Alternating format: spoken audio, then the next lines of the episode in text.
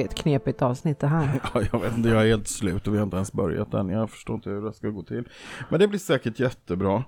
Det tar sig. Eh, Jag kommer direkt att tänka på Kalle Anka på julafton. Ja. Du vet det här avsnittet, det här klippet när de är ute och campar. Och så sitter de och käkar frukost. Jaha, i husvagnen ja. Ja, Ja, precis. Så Ja, med långben. ja. när någon av de här stjärnorna frågat ja, men vem är det som kör bilen? Exakt. Och så kommer de fram till att det var ju snubben vid Ja, ja matbordet som egentligen var chaufför. Mm. Eh, nu har vi tekniker som ska vara våran gäst idag. Mm. Så vem rattar ljudet? Ja, det här är ett steg i tillit. Och ut på djupt vatten ska vi. Mm. Mm. Men jag tror att det kommer bli ett lysande avsnitt.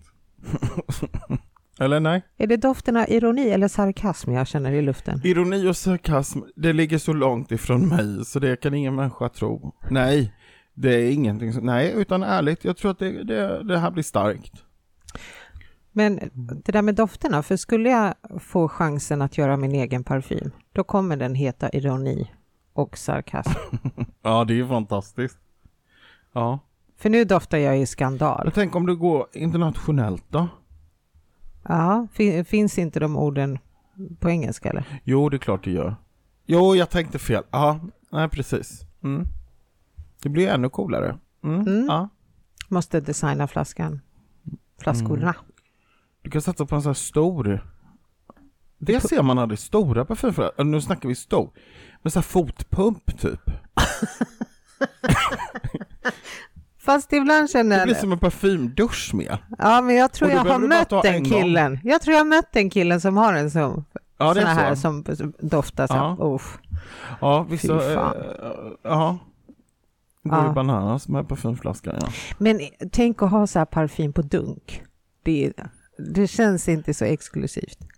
Nej, det är inte samma, samma exklusiva känsla om man köper en hink, men, men det är också effektivt för då behöver du bara ett spray. Trycker du på pedalen och så får du en dusch och sen är du klar.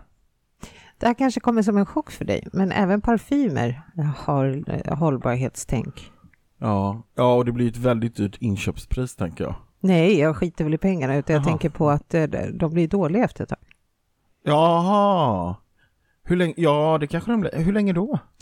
Jag tror eh, en parfym ska man nog inte ha mycket mer än kanske max ett år. Ja, det är så. Det är så.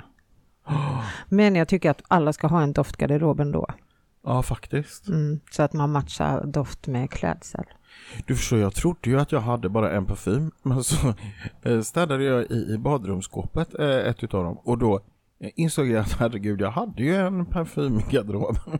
Du hade det? ja, det var lite allt möjligt där. Vad slarvig du är. Ja, det var lite slarvigt då, men, men det, det, nu är jag ju inte slarvig för nu har jag ju städat. Jag Ja, jo, jo. Men den här, bara det här dygnet så har jag lärt mig två saker, nya saker om dig. Mm.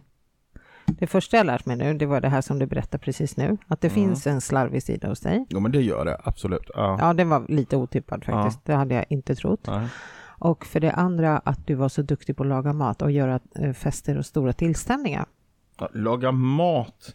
Jo, men jag tycker själv att jag är rätt duktig på att laga mat, men inte så här, inte kanske till så, stora sittningar, men, men däremot att anordna så här stora fester och så, det, det tycker jag är väldigt roligt. Det har jag gjort några stycken.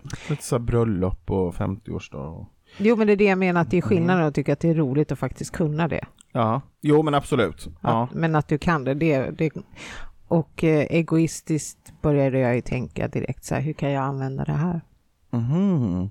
Ska du ha dig en stor middag? Nej, jag tänkte mer så här eh, karriärmässigt. Mhm, karriärmässigt. Ja. Ja. Nej, du behöver inte tänka. Det, jag tänker och du utför. Du, ja, ja, du Så- tänker så ja. Ja, jo men absolut. Det är väl roligt att kunna vara till nytta och glädje. Så länge jag får fakturera så. Jo, men vi kan prata belopp och lite procent sen. Mm. Jaha, ska vi prata karriär med Robert? Ja men det gör vi, det är så spännande. Ja men det gör vi. Ja, kör. Shoot. Hej Robert. Tjena gänget, hej! Hur mår du idag? Jo, men jag mår bra, tack. Känns on fire. Det, jag är on fire, Ja. jag är taggad, jag Ja. är otroligt motiverad och eh, jag har eh, väldigt mycket bubblande saker som jag försöker komma ihåg att jag ska prata om. Ja, just det. Eh, samtidigt som jag då ska låta någorlunda smart. Och när du pratar om bubblande saker, det är inte bara ditt magsår du Nej, det är inte det här galopperande Nej, just det. magmunsbråcket som, Nej. inte det begynnande. Nej, Nej, just det. Nej, just det. Vad trevligt. Mm. Ja, men det, jag tror att det här blir ett eh, riktigt roligt avsnitt. Jag är helt jag har det på känn. Men du är väl inte här för att prata teknik hoppas jag? Jag är absolut inte här för att prata teknik, faktiskt. Om, om det inte är teknik i den benämningen, eh, teknik som i verktyg man använder för att, för att Mm. föra sig själv eller andra framåt. Mm. Vad ska vi prata om idag tycker du? Det finns ju så mycket. Jag tycker vi ska prata om hur fasiken vi beter oss egentligen. Vilka när du säger vi? Äh, vi som människor. Eh, som- Jag orkar inte höra. Ingen, Vilken... ingen jäkla kritik. Nej, nej, nej. Nej, jag orkar verkligen inte. Det blir inga, inga psykoanalyser. Nej. Jag vill inga personliga påhopp Nej. från det- din sida. Om Pelle och jag hoppar på det, det är en annan sak, men vi tar inte...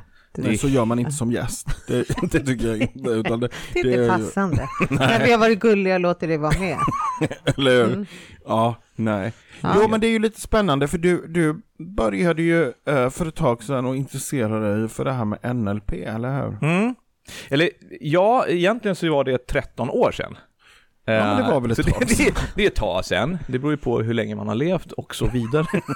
men Ja. men eh, absolut. Och eh, det började med att jag köpte en, en bok för typ 13-14 år sedan av eh, Henrik Fexeus. Ah, Henrik Fexeus är, eh, som man brukar kalla sig, mentalist. Eh, och det betyder att man tillämpar en, en eh, man använder sig av en teknik eller ett angreppssätt som heter NLP. Och jag ska berätta lite snabbt sen vad det betyder. Eh, och mentalism är den showiga delen av NLP. Så att man, man kallar sig för kanske tankeläsare eller du vet, man, man har sett på Talang och sådär, folk ska gissa kort Ja, eller man påverkar någon att ta ett beslut och så blir det succé och alla applåderar och tjoar och tjimmar. Eh, han skrev en bok som heter Konsten att läsa tankar. Och den här boken förklarade just det här NLP på ett väldigt, väldigt eh, förståeligt sätt. Eh, på, på just så här för en normal puckad 25-årig Robert, eller 26 eller vad det var. Eh, och då började jag intressera mig för det här. Hur vi fungerar, hur vi reagerar, hur vi agerar på det som sägs och görs och, och hur vi påverkar varandra och hur vi faktiskt har makten att, att ändra på det här också. Eh, sen låg det där lite på is i, i bara så här tio år ungefär.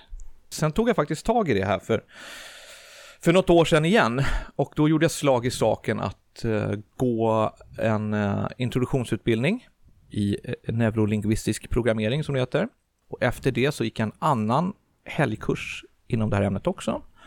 Sen avslutade jag med en eh, större utbildning då som, som, eh, där man även läste KBT, vanlig coaching, stresshantering eh, och liknande saker. Där man då också blev certifierad NLP practitioner som det heter.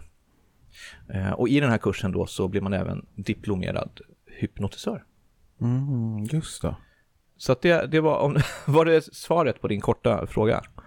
Ja, jag tycker att jag har bockat av det mesta. Mm. Jag tror att det här intresset måste ha väckts den gången när jag skulle hypnotisera Robert. Jag har gått en hypnoskurs en gång Ja, just det. Och sen skulle jag träna på honom och han frågade mig dagen efter vad fan gjorde du för att uh, du vart ju så risig i kistan. Ja, just det. ja, just det. Ja, men det är sådär, man övar. Det är ju ingen som kan, jag menar vadå, man övar ju. Det är klart det kan bli fel.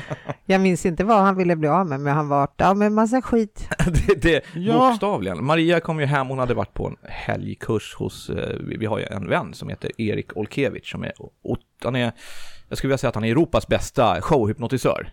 Eh, som, som, och även en vanlig, vanlig då, hypnotisör. Men hon hade varit på kurs hos Erik och så kom hon hem och sa, men fan testa de här balla grejerna du. Och så sa hon, men vi kör nu. Så låg vi där i sängen och så körde hon och häftiga tekniker och sen drog magen igång. Det var en Så att jag- detoxhypnos. Ja, det var någon sån här tarmrensning tror jag att den hette. Ja, just det. Uh, Hawaiiansk var det. Uh, Ja, tarmrensning. Så att, uh, jo då, jag kutade på muggen hela, hela... men gud vad Ja. konstigt. Undrar om det hade något samband. Ja. Sen den dagen också så har jag tyckt om att diska väldigt mycket. Ja. Mm.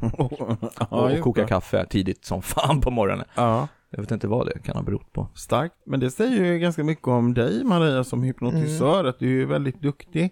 Mm. Även om det kanske också låter lite farligt. Man vet inte riktigt hur det slår så att säga. Ja. Där man kan få... Ja, exakt. Men jag har valt nu att lägga den karriären på hyllan. Alltså Ja. jag testar ju massa saker och så lägger jag eh, vissa grejer åt sidan som inte Ja. är kul. Ja, Eller som inte ger mig någonting. Mm. Eh, men du sitter säkert Pelle. Jag tycker det här vi gör är kul så att vi kommer fortsätta. Ja, det är bra. Ja. Det är bra. Jag Ja, känner mig det trygg var med bara en parentes. Ja, härligt. Ja, men vad var tanken? Vad skulle du använda allt det här till? Var det bara som en kul grej eller? Nej, absolut inte. Jag har haft en, en eh, riktigt solklar plan redan från början med det här. Och det, dels så vill jag coacha, jag, vill, jag gillar att hjälpa människor. Jag, har, jag är väldigt eh, egoistisk i den benämningen. Eh, jag, jag mår bra av att hjälpa andra. Och eh, eh, jag, jag upplever att det finns en okunskap om hur vi faktiskt fungerar på riktigt. Vi går runt och vi tror att, att vi bor i en kropp. Nu, om vi lägger allt det andliga så att säga åt sidan, eh, så, för, för i det här så ser man ju kroppen som den maskin den är. Vi går runt och tror att vi är någonting som är i kroppen. Och liksom så här, kroppen den är inte riktigt våran, utan vi, den styrs lite med någon sorts hjärna och sådär. Men, men vi, vi är ju våran kropp. Vi är ju vi, vi är ju en enhet. Och eh, vi kan ju oftast tro också att kropp och sinne är liksom två stycken så här separata eh, saker. Vilket inte är sant heller, det är ju en enhet också. Så det vi gör med hjärnan, det påverkar kroppen och det vi gör med kroppen, det påverkar hjärnan. Så att egentligen ska man egent behöva bara säga kropp. Men, men eftersom vi har pratat om de separerade så länge så måste man alltid lägga till kropp och hjärna. För när man säger kropp, då tänker folk oftast det som är under hakan. Liksom. Ja, just det. Vilket är ganska galet egentligen. Eh, och min plan med det är att jag vill undervisa, jag vill lära folk om hur vi fungerar, vad vi kör för program, varför vi gör som vi gör och eh, hur vi kan, kan ändra de här sakerna också. Eh, och det vill jag göra genom att föreläsa, undervisa, eh, podda, alltså allt det jag liksom kan få tillfälle att, att dela med mig av det som jag har pluggat. Vem är tekniker i din podd då? Det är jag. Du har alltid ett så att säga. Ja, precis. Det är en riktigt bra paket Ja, faktiskt. Mm. ja där ser man. Men eh, hur tänkte du den här undervisningen skulle gå till? Tänker du live eller tänker du digital? Vad tänker du där? Jag håller just nu på att fila på en, en undervisning show som går under arbetsnamnet hjärnjudo och som just ska handla om dels om våra försvarsmekanismer eh, och sen hur vi, hur vi tacklar dem och hur vi faktiskt kan ändra känslotillstånd och sånt där också. Och den kommer jag köra två provföreläsningar nu här i Stockholm. Jag har inget datum än tyvärr, men det kan vi lägga ut sen i någon grupp. Jag Mm, antar att ni har någon som gör sånt åt er. Det har vi. Fast Jättebra. han är ledig idag. Okej. Och då kommer jag köra två för- provföreläsningar där jag vill ha provpublik. Eh, som då kan ge mig feedback så jag kan finslipa den här showen och sen, sen släppa den. Vi kräver väl att eh, våra lyssnare har förtur? Ja, Absolut. såklart. Absolut, det får ni jättegärna göra. Ja. Och det jag då kommer undervisa i, eller det jag kommer prata om, nu har jag ju bara pratat om liksom, intresse som sådan, men det är ju det att vi måste förstå att vi är en kropp, vi är vi, och vi har känslor och vi har tankar, det vill säga att vi är inte våra känslor och vi är inte våra tankar. Och har vi den där kunskapen också, då kan vi ändra de här grejerna. Så att om Maria till exempel, om du säger så här, jag är så jävla dålig, nu är det ett jättedåligt exempel när det gäller det, men om du säger så här, jag är så jävla dåligt, då skulle jag säga till dig så här, nej men vet du vad, nej, däremot så har du en tanke om att du är dålig. Men det betyder inte att du är dålig, utan du har en idé om att du är dålig. Och då, då kan man separera den här känslan och den här tanken från ditt, ditt eh, sanna jag. Kan man säga. Det här kanske låter jätteflummigt, men ehm, och på så sätt så, så blir det lite bekvämare att handskas med de här grejerna också. Du är inte, utan du har en tanke. Men är det inte så här folk säger när man pratar sjukdomar? Alltså när folk har så här diagnoser så här, nej, eh, jag, han är inte autistisk. Nej, just det. Han Mm. har autism. Ja, just det. Exakt så, precis så. Mm. Absolut. Ehm, och inom NLP då som är, eh, eh jag, jag tänk, ni, vi har, ni har pratat om det här tidigare i podden och jag tänker inte gå in på liksom att dissekera eh, just vad NLP är, men det är ett, eh, lite snabbt sammanfattat, är ett eh, psykologiskt angreppssätt där man har plockat det bästa från KBT, eh, samtalsterapi, hypnos ehm, och så vidare. Så att man plockar de bästa delarna och så satte man ihop en, en metod som heter NLP, neurolingvistisk programmering, där det då handlar om hur vi tänker, hur vi pratar, alltså kommunicerar och eh, hur vi beter oss. Det är grunden. Hmm. Jag tänker mycket på eh, vanlig livsinställning. Mm. Så saker och ting händer ju i livet och det är återigen kanske inte hur du har det utan hur du tar det. Mm. Så att Precis. samma sak kan ju hända både dig och mig Pelle. Säg att vi blir av med jobbet. Vi får sparken samma dag. Men vi, händelsen är ju densamma. Mm. Men känslan kan vara helt olika Ja, beroende på absolut. hur vi är programmerade. Ja, jo, men så är det ju. Så är det ju. Och vad man har med sig liksom i sin ryggsäck. Och det, det där går ju väldigt, väldigt mycket ut på det som jag gör. Jag skulle vilja säga att, att nästan 80% av det som jag arbetar med är just de här programmen vi har med oss. Uh, i, inom NLP så säger man att kartan inte är densamma som verkligheten. Det betyder ju att alla som sitter här inne, nu är vi ju ett helt crew här inne idag, men alla som sitter här inne har olika kartor över hur verkligheten fungerar. Jag har min karta, Maria har sin, du har din och så vidare. Och det har ju med att göra hur vi är uppväxta. I vilken miljö, vad vi har lärt oss, hur vi är uppfostrade, eh, vem som har sagt vad och när. Eh, och det här sätter ju, det, det ritar upp våran karta, den skriver vårat manus. Och det som Maria var inne på då att ehm, en lyktstolpe kanske ser helt annorlunda ut för dig än för Maria. Båda vet att det är en lyktstolpe, men du kanske uppfattar färgen annorlunda, höjden annorlunda, placeringen annorlunda. Det där har man ju pratat om också när det gäller just så här till exempel vittnen. Ja, Du vet när det är så här brottssituationer och vittnen ska berätta om vad de har sett. ja. Då kan ju någon väldigt bestämt hävda att de har sett att eh, gärningsmannen har en röd jacka medan en annan säger att de har grön eller Exakt. ja du vet. ja. Men, men jag fascineras ju väldigt ofta av den här tanken av att om vi bara säger att vi sitter här vid bordet. Mm. Att, att vi bara sitter här gör ju att vi inte kan se på saker och ting på exakt samma sätt. Nej. För att du och jag sitter ju mitt emot varandra. Så Ja. rent fysiskt är det omöjligt att du ser samma saker som jag. Ja precis. Så att eh, allt som händer i det här rummet under den där tiden vi sitter här ha- har ju varit två helt olika upplevelser. Mm, faktiskt. Jag kanske ser eh, skrattet, för det, det pågår ju bordseans här bakom ryggen på dig. Ah. Ja, som jag kan se. Ja just det. Du missar ju det helt och hållet för att du sitter och tittar Jag in i en känner ändå att jag plansch. blir lite avundsjuk nu för det innebär ju att du får titta på mig och det måste ju vara en underbar upplevelse. men, men, men det, ja. ja, så är det. Det är orättvist Ja, ibland. Livet är enkelt. ja, fast det känns ganska bra för att det reflekterar ändå från den här glasdörren så jag ser mig själv också. Så, Ännu bättre. Ja. ja, det var bara en liten parentes. Men det är lustigt att du säger det Maria, för att när, jag, när man coachar till exempel, så är det just det att det handlar ju då om att när du kommer till mig, eh, för att du vill, till en coach kommer man för att man vill, inte för att man behöver, utan det är ett samarbete, det går ut på att vi ska, eh, det, det är ett partnerskap, vi är överens, det är en överenskommelse. Eh, och tricket för mig då som coach, det är ju att sätta mig in i din karta. Jag ska inte lägga in några personliga värderingar, inga liksom eh, tyckande, tänkande, inget sånt, för det, det, är inte, det är inte viktigt för stunden. Nej. Eh, däremot ska jag försöka sätta mig i, som man säger, andra position. Och då är det ju du, du som klient är ju andra position. Och jag är första position. Eh, och det där kan ju vara lite knepigt för folk, för det, är- det är ju en sägning man brukar säga. Försök att sätta dig in i den andra liksom, personens situation. Men det ligger någonting i det också. Hur gör man det då?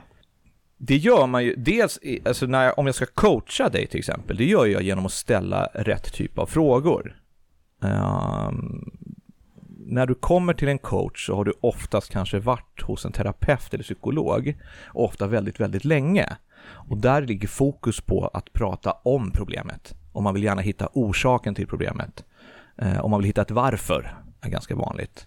Eh, och det är jättebra. Jag tycker absolut att man ska lösa upp gamla knutar och, och hitta orsaken för att liksom ta det som feedback till någonting i framtiden. Men det blir ju också så att varje gång du pratar om en dålig upplevelse, en traumatisk upplevelse eller någonting, så skapar hjärnan den upplevelsen en gång till, vilket gör att du plågar dig själv varje gång du liksom pratar om det här. Så att när du kommer till mig som coach så har du kanske fått frågor som så här, varför är du ledsen? Varför är du deprimerad? Och det gör att du har fått frågor inom en viss ram, så att säga. Kommer du till mig så frågar jag istället kanske så här, hur gör du dig själv ledsen? Eller, hur ska vi göra för att få dig glad? Vi fokuserar på att hoppa framåt. Du, vill, du kommer till mig för att du vill göra förändringar. Så egentligen det, det ultimata då, eh, nu säger jag bara som jag uppfattar det du säger. Mm.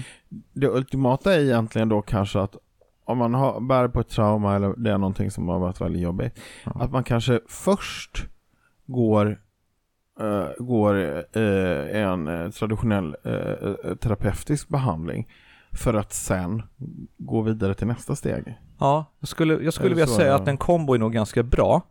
För att i alla fall det som jag gör, jag jobbar med förändringen. Du kommer till mig när du vill göra förändringen. När du har bestämt dig för att sluta röka, när du vill flytta, när du vill byta jobb, när du vill må bättre. Inte komma till mig för att prata om att du mår dåligt. Eller att du vill byta jobb. Det, det, det, kommer ju naturligt självklart i samtalet. Eh, så att det skulle jag vilja säga att det är det som jag just när du kommer till mig som coach. Sen så jobbar jag ju väldigt mycket med också i den hypnotiska delen, att man städar på tidslinjen. Att man eh, så att säga går tillbaka till det tråkiga minnet och kanske tittar på det på ett annat sätt. Vad som har hänt. Men det handlar ju inte om heller att man sitter och pratar om problemet som sådant och ska ta reda på varför. Utan det kan vara så här att jag frågar dig istället, så här, men kan du tänka dig att det kanske inte var eh, hans fel? kanske var ditt fel? Kanske inte var någons fel. Du kanske inte stod till höger, kanske stod till vänster.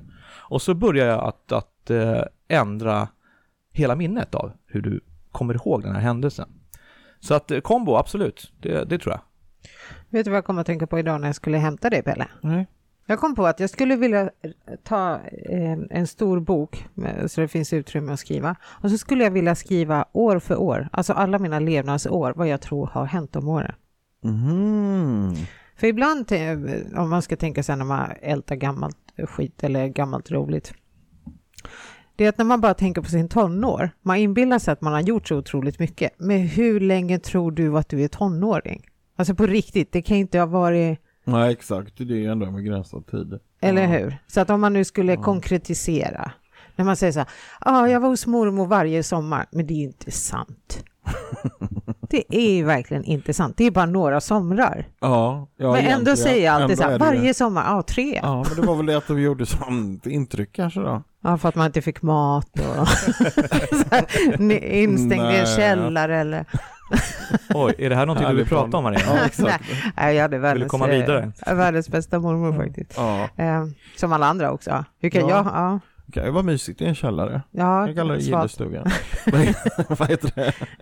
Ja, precis. Men om man skulle skriva år för år, jag vet inte ens Ja, kan man ens skilja ut? Jag kommer inte ihåg. Nej, vad men gjorde du nej. 1983? 83, oh, då ska vi se, då gick jag i skolan och jag tror att jag hade lugg och var kortklippt och ja, hängde mycket med mormor faktiskt. Okej. Skulle jag säga utan att tänka mer än så. Hur gammal var jag då? 83? Jag var, jag var fem år, fem, sex, ish. ah, jag började skolan. Mhm. Jag var ju så smart när jag var liten. Eller ja, jag- det upptäcktes när jag var liten att jag är en smart människa. Så skulle jag uttryckt mig naturligtvis. Ja, Så jag började i skolan som sexåring för jag kunde Just läsa och skriva. Mm. just det, du var lite över, Ja. överintelligent. ja, visst.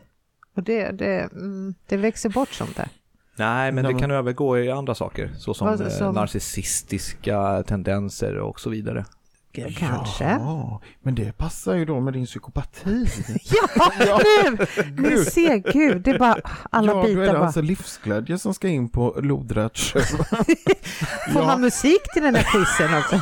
Ja, visst. Jag önskar mig E-Type. Ja, det här, det här, det, det, Ja. ja. Alltså nu vi- börjar polletten trilla ner. Men okej, så det var Ja. ingen som röstade för att det var en fantastisk idé att försöka konkretisera. Jo, Vilka minnen är sanna? jättebra. Vad är sant och Ja, vad är bullshit? exakt. Ja, Jag tror att man skapar mycket som är ja, bullshit alltså. ja, exakt. Ja. Du kan inte ha varit hos mormor varje sommar. Det är så här också, Ja. mina vänner, att varje gång du tänker på en sak så förändras minnet någonting. Litet, litet, litet. Och där, där kan vi till exempel ha, man vet att vissa vänner, jag har i alla fall, som är urusla på att eh, återberätta saker som vi har gjort när vi är unga till exempel, att man har varit på någon fest eller någonting sånt där. Och för varje gång de berättar storyn så bara blir det någonting helt annat. Det blir som en egen visklek. Liksom. Mm. Det kanske är därför, ja precis. Ja just det, det är ju intressant. För, men jag vill säga, det är inte, det är inte samma sak som med, med trauman. Trauman är ju någonting som har gjort sig så starkt avtryck så att det sitter där liksom så. Ja, det, det är som jag pratade om förut, att det liksom, man, man plågar hjärnan. Men just det här, ja, vi åkte buss, det var kallt, det var vinter, vi var åtta personer där, vi bröt oss in på den där festen. Liksom, det, det ändras i huvudet liksom. Istället var det en släktmiddag där alla var Ja, inbjudna. exakt så, precis så. Och alla var glada och det var någon som gifte sig. Ja just det. Ja. Jag tänkte jag skulle Ja. rent så här konkret berätta lite om eh, hur, hur hjärnan fungerar när det gäller de här sakerna. Ja. Får jag dra det lite Ja, snabbt så gud, att vi ja, bara förstår? absolut. För att det pratas väldigt... Alla sådana häftiga kurser man kan gå i så här eh, självhjälp, självutveckling, utbildning och just det som jag håller på med så pratar man väldigt mycket om eh, tekniker och verktyg och gör så här och gör så här men man glömmer just bort den här delen av att hjärnan faktiskt är en, en fysisk eh, del av Mm, våran kropp. mm. Eh, och från början så, det här har vi tjatat om och det har pratats om i tusen andra poddar också, men från början så var vi ju i princip en vandrande hjärnstam. Vi var alltså en, en behovsstyrd eh, maskin.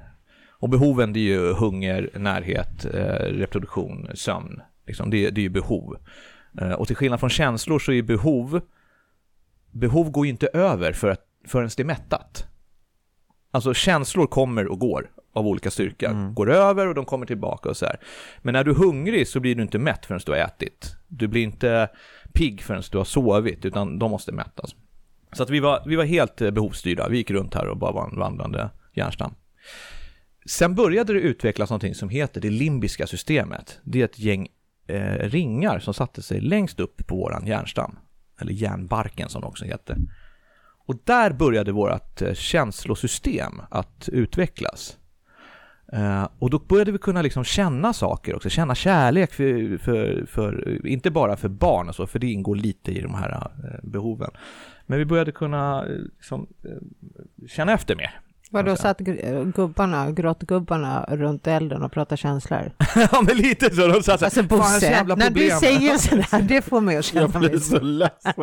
Ja. Jag mig Fast Bosse kunde inte hämta någonting än från tidigare situationer där han varit med om det här. Det är det. Nej. Bosse kunde, kunde känna att det här är mysigt när jag sitter vid elden. Men Bosse kunde inte nästa gång han sitter vid elden tycka att han blir lite som en guldfisk. Fan det här var ju mysigt, det här vill jag göra fler gånger. Så nästa gång igen blir lite dement. För att du har inte än utvecklat känslocentrat, lagret där det sitter. Utan du har förmågan att känna känslor, men du kommer inte ihåg känslorna. De, de, de kommer och sen försvinner de direkt, så kan man säga. Är ni med så här långt? Mm. Ja, du beskriver du, mig. Jag ser hur du antecknar Jag som tycker en det låter praktiskt. Ja, ja. ja. Du känner Ja. känslor och de liksom... Försvinner Du har och... förmågan att känna. att leva i bort dem. nuet på något Ja, gud ja. Det Ja, carpe diem igen då. Fånga karpen. Mm. Ja, Ja. efter det så kom, utvecklades våran amygdala.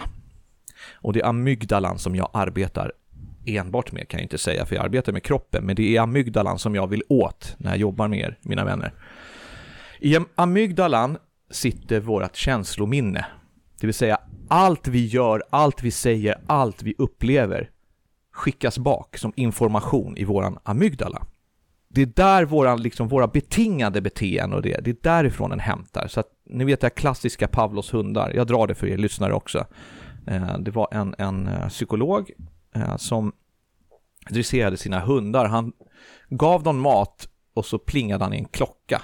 Så gjorde han så några gånger och sen tog han bort maten och till slut när han plingade den här klockan så började hundarna dregla ändå. För att de förknippade det, de associerade det med den här klockan. Det är så våran amygdala fungerar också. Och glassbilen. Och glassbilen. Amygdala och glassbilen. Eller Pavlo och glassbilen.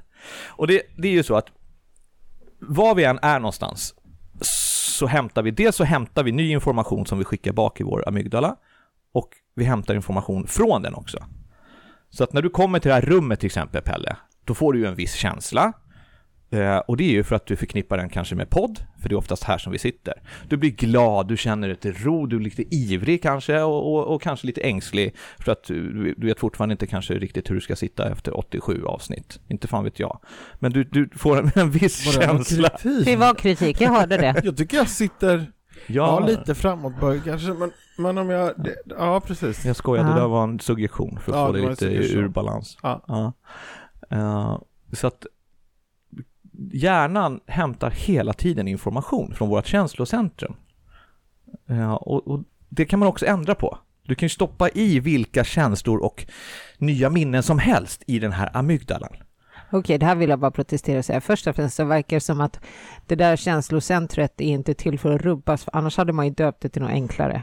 Det måste vara så krångliga namn. Mm. Sen nu ska vi komma åt den här, vad var det det hette, Amsterdam? Amy. Alltså, eller hur? Precis, har du problem med din Amsterdam? Du är helt rubbad i din Amsterdam. Exakt. Nej, men däremot så kan man säga att du har eh, skadad eh, förbindelse, anknytning. Du har dålig connection med din amygdala. Ni kommer snart förstå vad jag menar. Men jag vill bara förstå vad namnet Ja, amygdala. det låter som en sån här häftig sago, någon sån här lite, vad heter det, Valhalla, alltså mytologi på något sätt. Mhm. Du kommer hamna i amygdala när du... Nangiala. Ja, men dit skulle jag kunna tänka mig. Amygdala, där vill du vara. Ja. ja. Amygdala gör ju att du kan känna känslor och hämta känslor och eh, på så sätt också göra, ta beslut. För du tar ju dina beslut baserat på känslor. Det är så vi lär oss att prioritera också. Förr i tiden, informationen går in i, i, i frontalloberna och sen skickas den bak till din amygdala. Det är så liksom, hjärnan hanterar information. Förr i tiden så lobotomerar man människor. Och det innebär ju att du klipper av förbindelsen mellan din frontallob och amygdala. Och när du gör det, då blir allting helt platt. Du, du känner ingenting. Ehm, du är lobotomerad. Och det här är, det någonting du känner igen eller? Nej, ingen... Var det roligt? ja, sorry. Ja, det är ett övergrepp som... Nej men du blir ju Ja. lobotomerad. Och det, det är det det det handlar om. Du klipper av den här connection. Och jag vill också säga att det har ju ingenting med din intelligens att göra, eller ditt kognitiva tänkande. Alltså ditt kognitiva tänkande är ju liksom hur, hur du rör dig och gör och så. Utan det har bara med att göra att du inte kan känna känslor. Vilket gör att du inte kan prioritera. Så någonting som är så enkelt som att sätta ett datum i en kalender kommer inte att funka. För att allting är lika viktigt eller oviktigt. Eh, och det här kan ju också, man brukar säga att folk med vissa diagnoser och sådär har eh, problem att prioritera och, och ha igångsättningssvårigheter. Och det kan vara att just, just när det gäller ADHD så är frontalloben lite, lite mindre. Eller frontalloberna har de märkt. Då att det kan vara lite, lite vajsing på, på den här eh, vägen till amygdala. Vilket gör att du har igångsättningssvårigheter. Eller? Är det trångt menar du? Det är lite trångt. Lite mycket information som inte vet var den ska ta vägen. Så. Mm. Ja. Låter det logiskt tycker ni? Jo men absolut, ja absolut. Det låter jättelogiskt.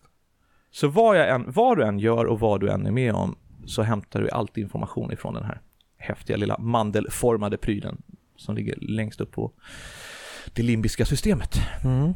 Mm. Och med den här vetskapen då arbetar jag. Men okej, men jag som tycker om att ta snabba beslut, har jag då en stor, är min mandel större? Nej, däremot så kan, eh, har du en eh, snabbare intuitiv förmåga. Det vill säga att eh, intuition, om man pratar intuition utifrån psykologi, vi kan ju prata andlig intuition och magkänsla och sådär också, det har vi gjort här i podden, men, men nu pratar vi just utifrån psykologi. Så intuition och magkänsla är ingenting annat än ett resultat av en blixtsnabb ekvation din amygdala precis har gjort. Alltså ditt undermedvetna, man skulle kunna säga, kalla det för det också. Vilket gör att när du hamnar i en situation där du måste ta snabba beslut eh, så hämtar din, din, dina ögon, din hjärna, dina frontallober hämtar information. Okej, vad fan har jag varit med om det här förut? Okej, vad hände då? Vem sa vad? Vad gjordes då? Skicka bak den här informationen. Din eh, amygdala gör en blixtsnabb eh, ekvation och skickar fram resultatet i form av eh, magkänsla. Mm. Låter det greppbart? Ja, jag, vill, jag ser ju lite i så här bilder så jag tänker så att min frontallob är enorm. Det är som den Du, har liksom- två vill jag bara säga. Två, Ja. ja. två stycken till och med. Ja. Det är som Söderledstunneln, du vet. Så. här. Det är så enorma hål bara. Ja, just det. Det bara sväljer någonting. Ja. Men jag tänker, ja, men du säger att då har Maria en snabbare intuition. Alltså att hon gör den, den, alltså hennes hjärna gör den bedömningen snabbare då än hos andra. Ja, det där, jag vågar inte säga, jag är ju inte hjärnforskare eller liksom psykolog. Nej. Eh, Det där har ju med att göra hur hon har tränat sin hjärna också, och Ja, sina just det. känslor. Och hur mycket hon litar på sina beslut. Ja, Och sen också hur mycket hon litar på att hon kan lösa eventuella konsekvenser av det som hon precis har beslutat. Just. För har du en mer avslappnad inställning till att säga, ja men jag testar här eh, och går åt skogen så löser jag det sen. Så har ju du den tryggheten och då vågar du också ta lite djärvare beslut.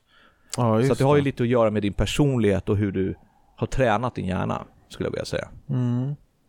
För jag som är mycket lång, alltså jag är ganska långsam. Ja. Eller jag säger jag, jag, blir, jag bara svarar på det du säger, jag lägger inte in någon personlig Nej, det var värdering inte i det. kritik. Nej, precis. Nej. Är det, då har jag bara ett litet sugrör medan du har klarat tunneln. Du har två så här Nej, små, små sugrör i frontalloben. Ja, precis. det, det är inte så det fungerar, inte alls. Alla har vi intuition och instinkter. Ja, men Ehm, jag tänkte om ADHD-personer hade mindre, då måste väl... Ja, men det har ju inte med, det har ju med igångsättningssvårigheten och prioriteringar att göra. Det är oftast det som blir lidande. Mhm. Okej. Fattar. man kan jämföra med en bra fotbollsmålvakt eller baseball. Baseball är, är otroligt bra att jämföra det här med, med intuition och magkänsla. Du, du eh, hinner inte ta ett rationellt beslut, eh, en ut, ja, du hinner inte göra en uträkning med den tänkande hjärnan. Utan du måste lita på intuitionen, det måste gå autonomt, automatiskt, för att du, den gör en beräkning vart bollen ska hamna när du ska slå den. Det är därför jag är så jäkla duktig på att ta fast bollen. Mm, det är så. Ja. Är det så? Ja, det är, alltså kom igen, jag är från Finland, vi spelar med brännbollar som man Ja. Föds med. Så kan det vara. Jag har ju sett dig skjuta Vodka och fotboll i huvudet på min son också, men det är kanske... Jo, exakt, jag är bra på att sikta också. Mm. För jag är ju med sådär, då, då liksom smäller jag till bollen och så tittar jag på den och sen så kommer jag på att det här var inte så roligt så går jag därifrån. Ja. Vad är det? Så ska jag behöva ta fast mina Ska bollar? jag springa också? Jag har ju slagit på bollen. Nu får någon annan springa. Aha. Sitter på läktaren och röker. Ja, inte längre dock, men ja. Men en om vi, om vi ska komma till det här med just instinkter då, och, Mm. och liksom magkänsla och, och sådär. Den här signalen också då som skickas från eh, våra frontallober, den går via som en liten eh, central kan man säga. En liten växlingscentral, om ni tänker som ett tågspår, som heter talamus. Den här talamusen gör det att den delar upp signalen i två signaler. Den ena signalen skickar den till din amygdala och den andra skickar den till din tänkande hjärna. Eh, Men det som är intressant är att vägen mellan talamus och amygdala är mycket kortare än vägen till din tänkande hjärna. Mm. Så det är därför vi kan göra saker utan att tänka, som vi brukar säga. Alltså du hoppar i vattnet när någon ramlar i, eller du bromsar utan att ens veta om det för att någon springer ut framför vägen. Det är för att du hinner inte helt enkelt göra en, en aktiv beräkning med din rationella hjärna. Utan du måste förlita dig på att, att eh, den här amygdalan skickar fram den här informationen som, som den eh, har lärt sig, helt enkelt. Tänk vad hjärnan är fantastisk ändå. Ja, det är jättehäftigt alltså. Det är det är skitcoolt. helt otroligt. Och när man berättar på det här liksom någorlunda förståeliga sättet Mm. så tycker jag att det blir mycket klarare. Man, man får säga, jaha, men okej, har jag stoppat bak de där grejerna? Är det så? Är det därför liksom? Så allt det här då egentligen resulterar i att man då kan liksom programmera om till exempel sina känslor eller Mm. vad man känner inför olika saker eller situationer eller Ja, absolut. Du, du stoppar i nya program, kan man säga. För att dels så är det ju känslor, det är ju tankar det börjar med. Vi börjar alltid, alltid, alltid med tankar. En tanke blir en känsla, känsla blir ord, ord blir till eh, handlingar och handlingar blir till beteenden. Det är den liksom kedjan som, som man kan följa. Eh, men hjärnan väljer ju faktiskt känslotillstånden. Den väljer ju Eh, om man ska bli arg eller inte. Och där, där är så här, jag har pratat om det här förut också, det är lite provocerande för folk för det betyder också att man måste ta ansvar och det är skitjobbigt. Måste, då, då kan man i princip inte längre skylla på att någon gör mig arg, för det är inte sant. Du säger ju bara någonting till mig på ett speciellt sätt. Och sen är det ju min hjärna som väljer att tolka det på ett speciellt sätt. Ja, just det. Och sen, sen är det ju självklart så här, jag menar Maria vet ju exakt på vilket sätt hon ska säga en sak eller göra för att komma åt mig. Eh, men det är ändå min hjärna som väljer att, att reagera på det. Mm. Men vi har ju väldigt, väldigt många lyssnare tror jag som sitter och funderar på hur man ska kunna ändra på sitt liv. Mm. Alltså radikalt. Mm. Och det här är ju fantastiskt bra verktyg att ha med sig och veta att lösningen, den är inte så långt borta. Nej. Nej, den finns eh, faktiskt eh, en, en webbsideadress bort, skulle jag vilja säga. Exakt. Nej, men eh, vad är det vanligaste? Folk vill eh, lämna en dålig relation, man vill byta jobb, Eh, man är less på att ha ont om pengar. Vad är mer? Vad vill Ja, jag skulle vilja säga att det vanligaste, absolut vanligaste, Ja. eh, som, om, om du kommer till mig som klient, så är det absolut vanligaste eh, jobbsituation. Att man eh, har ruttnat? Ja, jag vill byta jobb. Ja, men, hur, hur ska jag mm. komma vidare? Hur ska jag ta beslutet? Hur ska jag eh, få tron på att jag kan och att jag vill och att jag vågar och att det kommer lösa sig? Då kommer man till mig och så får man hjälp med att släppa de här blockeringarna, stoppa in nya tankemönster och, och Mm. tro lite på sig själv. Eh, nummer två är relationer. Mm. Ofta så är det inte eh, i en aktiv relation du är när du kommer, utan det är ofta att du har svårt att släppa ett ex. Eller att, det, att du Mm. kanske har problem med ett ex på ett eller annat sätt, men det är ofta så är det någon som är nyskild eller någon som har Mm. liksom eh, så. Det, det förekommer ju självklart folk kommer till mig och är i ett förhållande också, men Du ser återvinning, folk vill bara ha tillbaka gamla grejer. Ja. Ja, men jag tror inte att det handlar om, eh, där måste jag faktiskt säga också, det handlar inte om eh, att de ha tillbaka. Oftast när de kommer till mig så är det bara att jag kan inte släppa det. Jag vet att de vet att det är fel, de vet att det är osunt, de vet, alltså allt sånt här vet du Mm. om. Men det är någonting som sitter där som säger att, ja men fan det här ska du fortsätta älta och tänka på. Du ska loopa det här, du ska göra det här. Så det är bara en felprogrammering. Det är en felprogrammering, så jag hjälper, jag puttar bort dig åt andra, på andra sidan gatan istället för att fortsätta gå på den parkvägen istället. Istället för att stå och trampa fram och tillbaka på där, du trampar. Jag, jag, kan, jag kan ha en snabbkurs i, i eh, hur man lämnar gamla relationer. Mm. Det är egentligen en mening man bara ska älta om och om igen. Bästa sättet att komma över en man är att lägga sig under en annan. Men det var väl fiffigt? Det där, det skulle man ju nästan skriva upp. Nå, ja, någon har ju skrivit upp det för jag har läst det och snott det rakt av. Men jag vet Ja. inte vem det var som sa det. Jag tror att det var någon häftig kändis som sa det. Ah. Ja, precis. Ja, men det, det, var, det var starkt. Det kände jag. Ja. Men jag vet inte vad det är, om jag skulle säga att jag är någon typ av terapeut då. Jag vet inte under vilken kategori. Nej, jag tror det är mer orakel vi lyfter här. En Ja. sanningssägare. Jag vågar säga som det är. Just. ja men det där är, och det stämmer ju faktiskt. Om man ska bryta ner det som, som eh, metod eller teknik så handlar det om att få något annat att tänka på liksom. Ja, just det. Det, det är ju det. Det är, det är avledning och det är liksom stoppa i lite ny glädje, få lite eh, bekräftelse från annat håll, eh, få någonting att liksom leva för. Och det kan vara kul att det plingar i mobiltelefonen, vad vet jag. Det, så att det är absolut inte fel.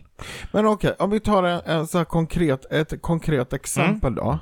Till exempel om, det här är ju bara hypotetiskt. Jättehypotetiskt. Ja, gud ja. Berätta. Men om jag till exempel, vi kan ta mig som exempel. ja.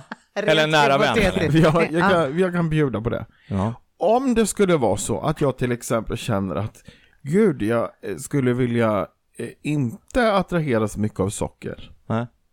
Nu hittar jag bara på. Det var inte på. Ja. Ja. Jag äter ju inte socker. Du har något i mungipan. Det är inte socker. Nej, gud. Nej, det är gårdagens bacon. Nej, men vad heter det? Ja, men i alla fall. Eh, och, eh, då eh, ja, skulle jag kunna använda mig utav dina tjänster då? Mm. Det första jag skulle vilja tipsa dig om, Mm. det är att- att inte använda begreppet inte. Nej. För när du använder begreppet inte så måste du först fokusera på vad det var jag inte ville göra. Och kommer du ihåg vad vi pratade om tidigare här? Det var ju att vi ska ju framåt, inte bakåt. Mm, just det. Eh, så att istället för att fråga dig så här, hur kan jag sluta med socker? Så ska du fråga dig, hur kan jag börja med bra vanor? Alltså, eh, säg till dig själv vad, vill, vad du vill göra, inte vad du inte vill göra. Hänger du med? Alltså rent hypotetiskt. Rent det hypotetiskt. Jag förstår att du inte vill äta socker, för det är ju, därför, det är ju, det, det är ju ditt problem. Du vill inte Det äta helt... skulle kunna vara min problem. Okej. Jag tycker det är väldigt... Ja, men förstår du vad jag menar? När, när du kommer till mig så kommer jag fråga tusen jobbiga frågor. Ja. Ja, till exempel så här, vad skulle du vilja attraheras av då? Istället, till exempel. Ja, jag vet att det finns ett sockerfri Daim så att jag är helt lost. Det Nej, gör det men jag vet säkert, inte. men om, om det är det som är viktigt så får du ju ta reda på det. Det är ju bara googling bort i så fall. Ja, precis. Nej, men ja, precis. Okej. Ja, just det. Mm. Och sen då, när man har definierat det? Det så, du kommer till mig, du har en idé om Mm. att du vill sluta med socker. Det vill säga att du vill börja med sunda vanor. Där socker inte är inkluderat. Mm. Skulle du kunna formulera det så? Så skulle man kunna formulera det. Jättebra. Det man kan göra är olika tekniker. Ehm, dels så kan man prata om det. Ehm, jag kan fråga dig, så är det viktigt för socker? Vad, vad, vad får du för kick av socker? Ehm, så det blir nästan att det touchar på varför äter du socker. Men, eh, men eh, så terapeutiska ska vi inte vara. Sen skulle jag föreslå att vi gör någonting som kallas för eh, vi använder ju våra submodaliteter. Det är vårt inre representationssystem, hur du beskriver saker för dig själv. Och just när det gäller socker så skulle jag göra socker äckligt för dig. Det vill säga att man kan göra en, en, eh, en övning som heter like to dislike. Ja, ja, ja förlåt. Mm. Mm. Eh, och den, eh, just den övningen går ut på att man staplar upp eh, någonting som man tycker om väldigt, väldigt mycket. Och sen just det här sockret då. Och om vi tar något konkret så kan det vara Dime då, som du nämnde tidigare. Sen skriver man upp att, eh, jag frågar dig så här, när du tänker på Dime, hur ser den ut? Är den nära? Är den långt borta? Är det färg? Är det svartvitt? Känner du någon smak? Känner du någon doft? Och så frågar man massa, massa frågor. Sen frågar jag dig om det, det är, eller förlåt, det äckliga menar jag. Eh, jag ska byta ut det mot någonting äckligt. Och så frågar jag om det äckliga också. Skriver upp de här staplarna. Sen börjar vi matcha de här med varandra. Så att om du till exempel har sagt att Dime är nära och bajs är långt borta, då flyttar jag fram bajset så det är lika nära som Dime. Och sen i nästa... Det är väldigt otrevligt. Ja men det, det Det är var för att jättekonstigt. bajs och kräk är det äckligaste som folk vet, så det är därför vi tar det, för att vara extrema. Nej, vänta, du hade ju något annat, Robert. Ja för fan, det var ju mammas ägg och kaviarlåda gjorde det där med en gång. Hoppas din mamma inte hör det. Ja. Mm. Ja. Men det jag menar är att man matchar ihop de här. Jag skapar en association, jag skapar en betingning. Så nästa gång du tänker på Dime så kommer du tänka på det där äckliga istället.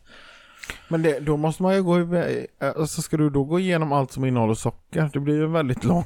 Nej, men du kan ju tänka på sockret. Vi kan göra en psykologisk betingning där sockret får, alltså någonting får symbolisera sockret. Ja, just det. Du kan ju tänka på socker, vad heter det, rotrör eller vad fan. Men kan man inte göra någonting som gör att, eh, att man istället visualiserar den effekten socker gör med kroppen på ett negativt sätt? Exakt, det, det, är, det är nästa Aha, Det är nästa okej. teknik. Ah, ja. Eh, och den, den också använder våra submodalitet. Just den här hette like to dislike och den är väldigt så här konkret, att du parar ihop de här parametrarna med varandra. Och det låter lite stökigt kanske sen när man pratar i en podd, men vi kan väl lägga ut någon bild på en sån här.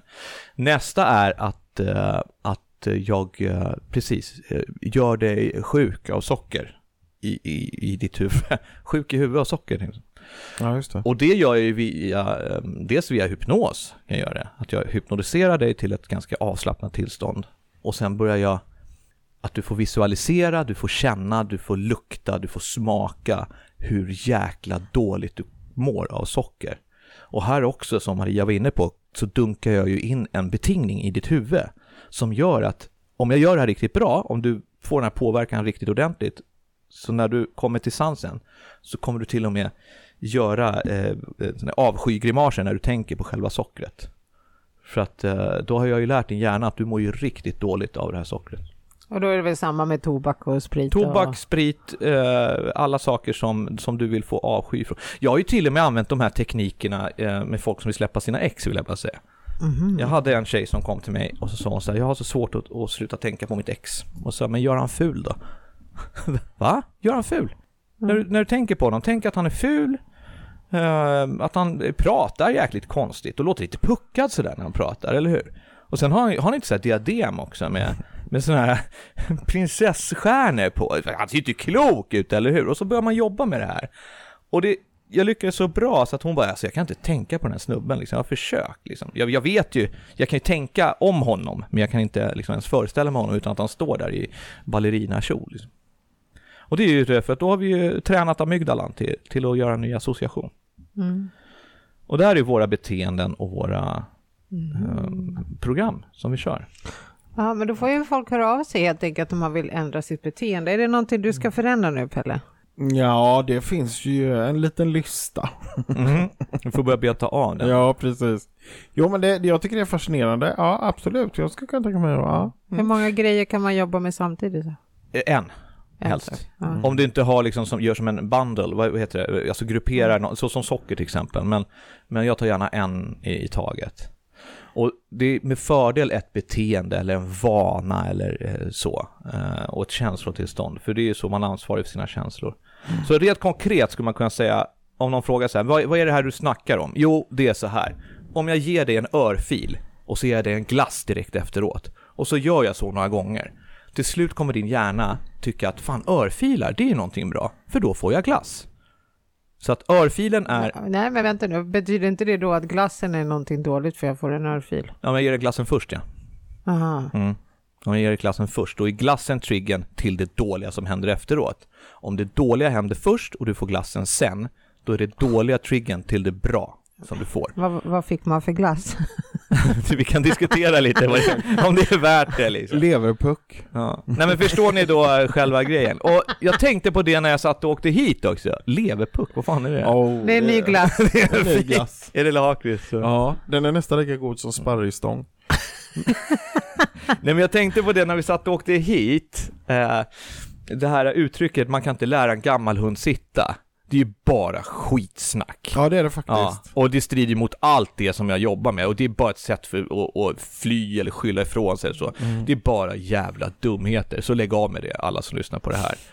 Vi hade på riktigt en, en period här för något år sedan där det gick alldeles, alldeles, alldeles utmärkt att programmera om våran hjärna med att hej betyder gnugga armbåge. Och det gick blixtsnabbt. Folk gjorde det autonomt.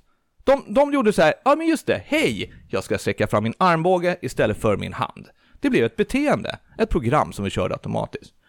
Sen någonstans i bakgrunden så hade vi ändå kvar det här lite ältande tankarna att, ja men just det, förut gjorde vi så här och då gick vi tillbaka till att börja ta i hand igen. Men, men det, det gick ju alldeles utmärkt. Programmera Vissa sparkade på varandra också. Vissa, Ja, precis, med det. fötterna, du började sparka på mig mellan benen och mellangärdet, så här, det var inte samma sak. Ja, men man vill säga hej ordentligt. Ja, Det var som en kram om liksom. man blir riktigt glad att se någon. Då sparkar man dem ju. Ja. Det är så autonomt. Jag kan Autonomt. Det är inprogrammerat. Ja men förstår ni då, någonting som Mm. är så otroligt automatiskt som en, en handskakning går ju att eh, programmera om och ganska, ganska fort och lätt. Mm. Och till, till att det också blir så här det nya normala. Det är så här man gör nu. Mm. Och det ska man väl tänka på då om man vill eh, byta jobb eller byta eh, Ja. sin relation eller vad det nu än är. Att då, då var det väl inte så jäkla svårt då.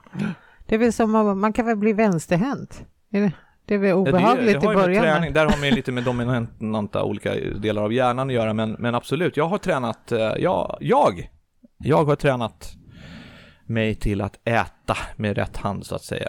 Eh, Ja just det, förr i tiden fick man väl inte vara vänsterhänt för då Nej, var man väl skjuten. Men man ska just förbannat hålla gaffeln som är den dominanta verktyget att äta med i vänsterhanden. Mhm. Mm, ska vi- Men eh, jag som känner Erik, som du nämnde här tidigare, Just det. han har ju hypnotiserat folk i att eh, bli av med smärta. Mm.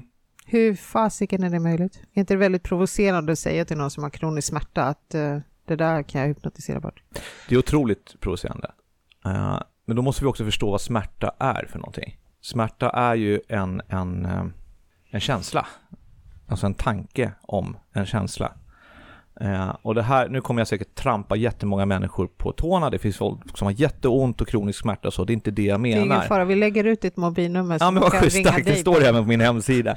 Men det jag menar är, när du tar bort smärta i hypnos eller med de här teknikerna jag använder så tar du inte bort smärtan. Du har ju fortfarande en, en skada eller någonting som gör ont, men du tar bort tanken om att du har ont. Du tar alltså bort själva känslotillståndet av smärta. Och så kan du då lindra själva smärtan. Eh, det finns ju en ganska snabb metod som heter Sedona-metoden. Mm. Eh, det här vet jag, det har du, du, Ja, det har du jag känner till den här. Vi har ju varit på en miljon Jag har kurser. du har testat den faktiskt också. Ja, Eh, Det gjorde vi när vi var på Änglagård. Mm. Då hade jag väldigt eh, ont i nacken och Just det, det. faktiskt eh, Ja. var väldigt häftigt för den försvann. Eh, ja, och det Men, ju, det, men där vill jag göra lite reklam för, för Satyan från, eh, från Änglagård. Han har ju spelat in uh, Sedona-metoden på YouTube. Mm. Och den är inte så lång, det är bara några minuter och det är på Mm. svenska. Just det.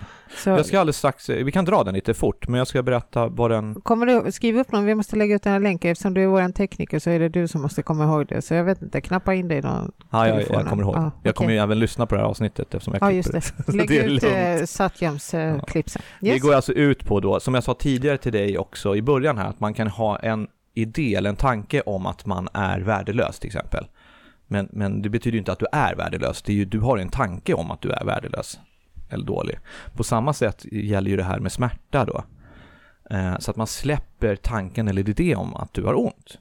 Och på så sätt så lindrar det det, det, det psykiska alltså. är det därför man... För, återigen, jag tar mig själv som exempel. Ja, Gör det. Alltså jag är en sån fantastisk människa som bjuder på mig själv så generöst. Men i alla fall, jag har ju sån här, eh, vad heter det, eh, eh, smärta i händerna. Ja, Den eh, känner jag när jag börjar prata om det eller tänker på det. Exakt. Men jag är ju så van vid den så att när jag är, första gången jag var, eh, när, efter att jag hade fått det här, ja. så var jag, åkte jag till Spanien på semester och då när jag låg där på stranden så, gud jag känner inte mina händer, vad otäckt. Alltså jag trodde jag hade fått någon skada av något slag. Men så kom jag på att, gud jag känner ju inte verken. ja, just det. Och den tänker jag inte på till vardags, men den finns ju där lika fullt. Ja. Det, Det kan ju även vara ha med att göra samma- att det är varmare klimat i Spanien också vill jag bara... eh, Jo, naturligtvis, det blev så tydligt då. Men alltså, Men det här förklarar ju det som vi pratar om då. Att när du tänkte på att du hade ont, mm. då hade du ju ondare. ja för nu bara Ja. när jag nämner Ja. det så, så när du- känner jag ju liksom, Precis, exakt. Och då förstår ni hur mycket vi kan styra oss med våra tankar och, och kallas känslor. artros, väldigt svårt. Men okej, jag kan nog bli läkare igen och säga Pelle, tänk på något annat. Men jag vill också, Nej, men, Ja, Eller? men du har ett tilltal som, som gör att smärtan tilltar istället. Jag vill också säga det också, jag är inte läkare eller så, utan har du åkommor och skador, precis, men, nej men har du så, du, du, har, du har det, så det, det är inte det, så att jag vill absolut Nej, inte förolämpa folk som är, nej men det, det här är väldigt känsligt eh, område. Mm. Men så att man släpper idén eller tanken om att man har ont, så lindrar det. Och den här Sedona då? Men bara lite snabbt. Ja. Men de här människorna som har sin sjukdom som sin identitet, Mm. är inte det elakt att släppa taget om sin, vad hette det där, Ar- artros? Artros, ja. Artros, ja. Tänk om jag inte är artros längre, vem är jag då? Mm. Ja men då har man ju gått in och blivit, då kan man inte separera tanke och beteenden från sin person längre. Ja, men varje gång när man möter en människa Ja. som säger att de har kroniskt ont eller det här går aldrig att bota, Ja. bla, bla, bla. och så kommer man med förslag på lösning, Ja. så kommer de med ett, med ett nytt problem. Men det är ju folk som också är, det är ju deras intresse. De är ju, de är ju hobbysjuka. eh, så att de, de, är- det är ju deras, eh, de, de har ju blivit en sjuk person. Det är ju så. Tänker du på min mamma? Nej, jag tänker på att hon har myntat det här uttrycket, Ja. hobbysjuk. Det var det jag Ja. menade. Ja. Eller jag får motta det. Ja, Ja. nå- någonting Är sånt. det min mor som mamma? är Nej, yrkes, yrkessjuk kanske det var. Jaha, yrkessjuk Ja, det är inte Ja. hobbysjuk utan Nej, det är är yrkes- yrkessjuk. Nej, men, och det, det betyder ju att man i princip, man är sin sjukdom, man pratar om sin sjukdom hela tiden och eh, när man inte har en sjukdom då vill man hitta nya sjukdomar. Det är deras stora hobby, det är deras Yrke drivkraft. sa du ju. Vad sa? Yrkessjuk. Ja men hobby, yrke, Ja. det, det är deras eh, bränsle i livet. Mm. För att som du sa, om de inte skulle ha det här, om de skulle vara kärnfriska, då kanske de inte har något annat. Mm. Men här pratar vi också då om, då kan vi halka in på de här eh, liksom behovstrappan och det. Då måste du ju ha någonting som heter meningsfull eh, syssla eller meningsfullhet. Då måste du hitta någonting annat att syssla Man kan med. jobba ideellt åt oss här i podden. Om, om Exakt det. så. Varsågod allihopa hit. Precis. Det blir man Så. frisk och kry av. Det Ja. ringer på dörren hör jag. Vad spännande. Okej, så säg Dona-metoden. Eh, vad innebär det nu då? Poddvänligt. Poddvänligt. Sedona-metoden går ut på att du ställer tre stycken frågor. Och du ställer dem om och om igen. Och du ska svara ja, ja och nu. Oavsett vad du tycker eller vad du liksom eh, så, så ska du svara ja, ja och nu. Och om vi tar dig då Pelle till exempel, du har ont i dina små Fingsebissingar, vad fan. Dina vackra pianofingrar. Mm. Tack. Ja, jag skulle aldrig säga det själv. Nej, men det var bara en komplimang för att du skulle Ja. känna dig Är det avslappnad så här inför övningen. barnpiano, du vet? sådär? Sådär felstämt lek. så. Ah, okej. Eh, då skulle jag fråga dig så här, den första frågan är, bara för den här stunden, bara just nu, skulle du kunna tänka dig att släppa tanken om att du har ont i dina fingrar? Ja, Då är andra frågan, vill du släppa den här tanken? ja, Och i så fall, när? nu, Skulle du kunna tänka dig att släppa den? ja, Vill du tänk- släppa den? ja, När? Nu. Skulle du? Vilja? ja, Kan du? ja, Och när? nu. Så bara för den här stunden, i detta nu, skulle du kunna tänka dig att släppa idén om att du har en tanke på att du har ont i dina fingrar? Ja, Vill du släppa den? ja, Och i så fall när? nu. Jättebra. Så det är det- det här man ältar? Det här ältar man. Det här är enda gången, mina vänner, som ni får älta någonting också. Det är, man upprepar det här och det man gör är olika psykologiska saker. Dels så programmerar du skallen att du faktiskt säger ja till någonting, eh, som kallas också för en ja-trappa. Så säger du ja två gånger så är det lättare att säga ja en tredje gång också. Eh, dessutom så blockerar du ju faktiskt hjärnan från andra saker, för du kan ju bara tänka en tanke i taget. Eh, och så skapar man lite skön förvirring och sådär också. Hur känns det i händerna då? Jag har jätteont nu. Får radera hela Aldrig avsnittet. så ont. Kan inte hålla upp pennan längre. Jävla skit. Jävla skit. Nej då. Ja. Nej men jag tycker det bara är så, Mm. så fascinerande, för jag har tänkt på det förut så här, om man, om man pratat med och så, när man har varit hos, eh, på vårdcentralen till exempel och ja, man pratar med doktorn om det så här, då får jag jätteont i händerna, men sen i vardagen så glömmer jag ju bort det där. Och då har jag inte ont.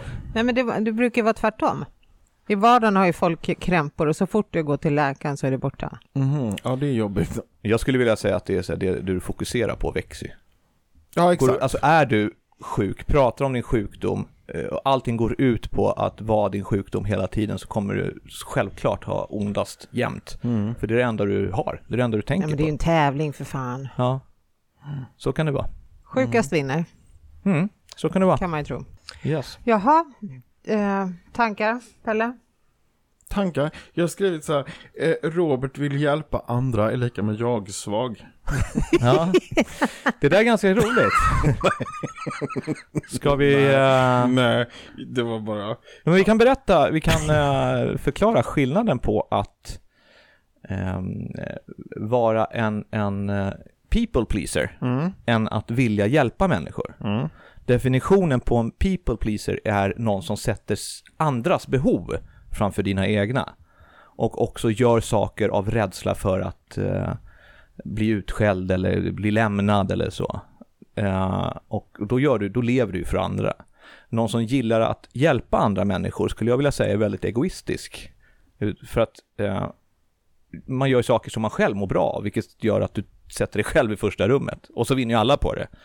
Så att om jag till exempel eh, går upp och kokar kaffe åt Maria varje morgon en kvart extra, då är det för att jag mår bra av att göra det för henne. Inte för att jag är rädd för att hon ska skälla ut mig eller lämna mig. Eh, så att jag sätter ju mina behov eh, först.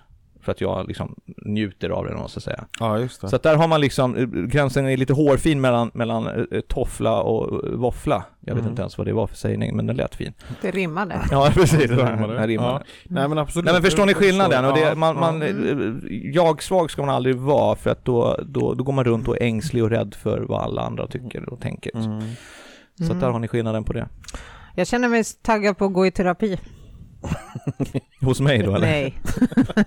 Nej, inte just hos dig. Ja, Nej, men terapi generellt. Alltså, vad... ja. Du har ju testat många olika varianter, va?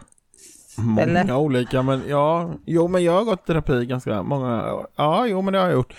Eh, jag tycker det är väldigt bra och jag, jag tänker, det slog mig faktiskt eh, då när jag, en period när jag gick i, i terapi hos en psykolog, att det här är ju väldigt bra. Jag tänker att alla skulle ju må bra av det. Tänk om eh, ungarna i skolan fick gå till någon och prata av sig bara. Mm. Bara en sån sak. Vad, eh, vad mycket man skulle kunna Att man, förebygga eh, och problem och Normalisera lite det här med att det... Så ja, att det inte och det bara- som att eh, det folk går och bär på, att man kan få sätta ord på det och berätta det för någon annan. Jag tror att det ligger mycket i det. Mm. Att det inte blir så stort. Mm. Det är alltid bra att ventilera, det är alltid bra Eller att hur? prata om problem och det är alltid, alltid, alltid bra att prata om känslor. Mm. Och det, det var något skithäftigt jag skulle säga om just känslor som jag inte kommer Jo, så här är det också att vi tränar ju, vi, jag tjatar väldigt mycket om att vi tränar ju hjärnan på olika sätt. Och just det här med känslor, det är ju är ju ganska intressant för varje gång du går in i ett känslotillstånd så tränar du också hjärnan på att vara i det det känslotillståndet. Vilket betyder att ju oftare du gör det, desto snabbare skapar hjärncellerna en connection mellan de här känslotillstånden. Och gör att du har lättare att hitta tillbaka till känslotillstånden. Så är du ofta arg och, och, och explosiv och aggressiv och skrikig och gapig, så har du tränat hjärnan att vara aggressiv, arg och skrikig och gapig. Och då, då är det det den tar till. Jag var en sån person. Jag har ju tränat bort det. Jag var arg och gapig och jag tänkte att det är så här man fightas, det är så här man tar en diskussion och det går ut på att gapa och skrika och så. Det var för att jag hade tränat hjärnan på de känslotillstånden. Men det går ju också att träna bort. går ju på att träna på att vara glad. Men det här när folk säger att saker och ting sitter i väggarna då? Sitter de i väggarna eller sitter det i huvudet då? Där är vi inne på betingning. Jag har ju en, eh, en föreläsning som man kan boka som heter sluta, brå- eh, sluta bråka i sovrummet. Och det är roligt att du säger det för att ehm, inom, inom NLP och betingning och associationer och sånt där så är det ju så att om vi som par till exempel, nu, nu är ju vi ett par, om vi skulle bråka som fan i sovrummet varje kväll så skulle ju du till slut tycka att det inte är så skönt att gå in i sovrummet. Det, blir ju, det skapar ju någonting som är väldigt, väldigt eh, jobbigt i dig. Det är ju för att då har ju sovrummet blivit den här triggen, det här ankaret, där den här situationen har ägt rum. Därför så skapar du en association. Men då måste vi kasta in lite andligt i det här, för det här var väl en andlig podd läste jag en beskrivning Mm, exakt, det här är jätteintressant. Man kan ju liksom, precis, exakt. Nej, men om man vissa säger att ah, det är så osköna energier i det här rummet. Är det, vad snappar man upp då? då? Ja, hur menar du? Alltså, Nej men så här, skillnaden mellan, mellan eh, jag, jag förstår vad du försöker säga. ja Det okej, du jätteintressant. menar att, att liksom, ja det kan bero på att man har haft så mycket tjafs och det har varit så mycket liksom Mm. sådana Det grejer. här är så roligt när vi bara för en liten stund sedan pratade om hur vissa är mer långsamma i sitt tänk och andra är lite snabbare. Ja, jag, jag kan erkänna att jag är, jag, jag är en tänkare. Kanske en av de stora, men det skulle jag aldrig säga själv. Det skulle jag aldrig säga. Men, men, jo, men alltså, jag förstår också vad du menar, absolut. Att, ja. ja, precis. Om det är mycket bråk och så hemma så blir det ju liksom en... en, Mm. eh, eh, eh, en Att den hämtar fler saker från din amygdala helt enkelt. Amygdala Osig sipprar liksom, Ja. det håller inte tätt. Nej, Mm. precis. Och så kommer du in i min amygdala.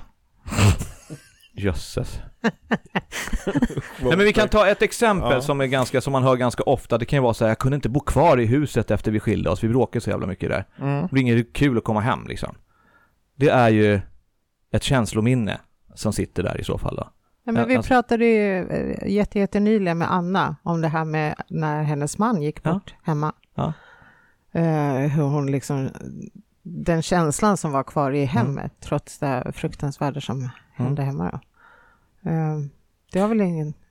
Jo men det är det ju. Det är bara att, att hennes då, eh, om vi ska, det här är ju bara från den här synvinkeln vill jag säga. Mm. Eh, och det, om man ska ta enligt liksom NLP och det, då är det ju att den här känslan som hon får när hon kommer hem, där hennes man har avlidit, det är ju för att hon, den associerar med att det var ganska fint sista tiden och det är fina minnen och det är glada minnen och sådär. Att liksom hon har valt att det är glada saker, inte att det är ett, en traumatisk kris som har ägt rum där. För då skulle hon ju garanterat må dåligt när hon kommer hem istället till Men hon behöver ju inte flytta för den saken skulle, utan hon kan väl bara programmera om så att hemmet... Absolut, ja, gud du ska ju inte fly ifrån, eh, här, har du ett rum som det har hänt läskiga saker i, då kan du ju liksom tanka det med glada saker, så att det glada blir mycket roligare. Eh, och då, då, det handlar ju om också då att ändra hela, hela programmet av vad som har hänt. Liksom. Just det. Mm. Eh, mm. Nu är det tomt i mitt huvud. Jag, liksom, jag tömmer mig ju väldigt snabbt också. Mm. Har du någonting Mm. kvar i ditt huvud, Bella? Nej, jag känner mig också förvånansvärt tom faktiskt. Vi har ju din eh, systerdotter här. Ja, det är så roligt. Hilda, min systerdotter. Hon vinkar här bredvid för er som Ja. inte... Ja. Vi gör så här. Vi, eh, Hilda, byt plats med mig. Ställ ett par frågor till Robert, du. Kul! Vad Om det är roligt! prao. Ja, du kan praktisera i Hilda var podden. namnet. Ja, Välkommen till podden. tack. Ja, välkommen. Jätteroligt att vara här. Ställ smarta frågor nu. Berätta, varför har du valt att komma hit och lyssna på just mig idag? Wow. ehm, Om du lutar lite, lite närmare micken. Mm.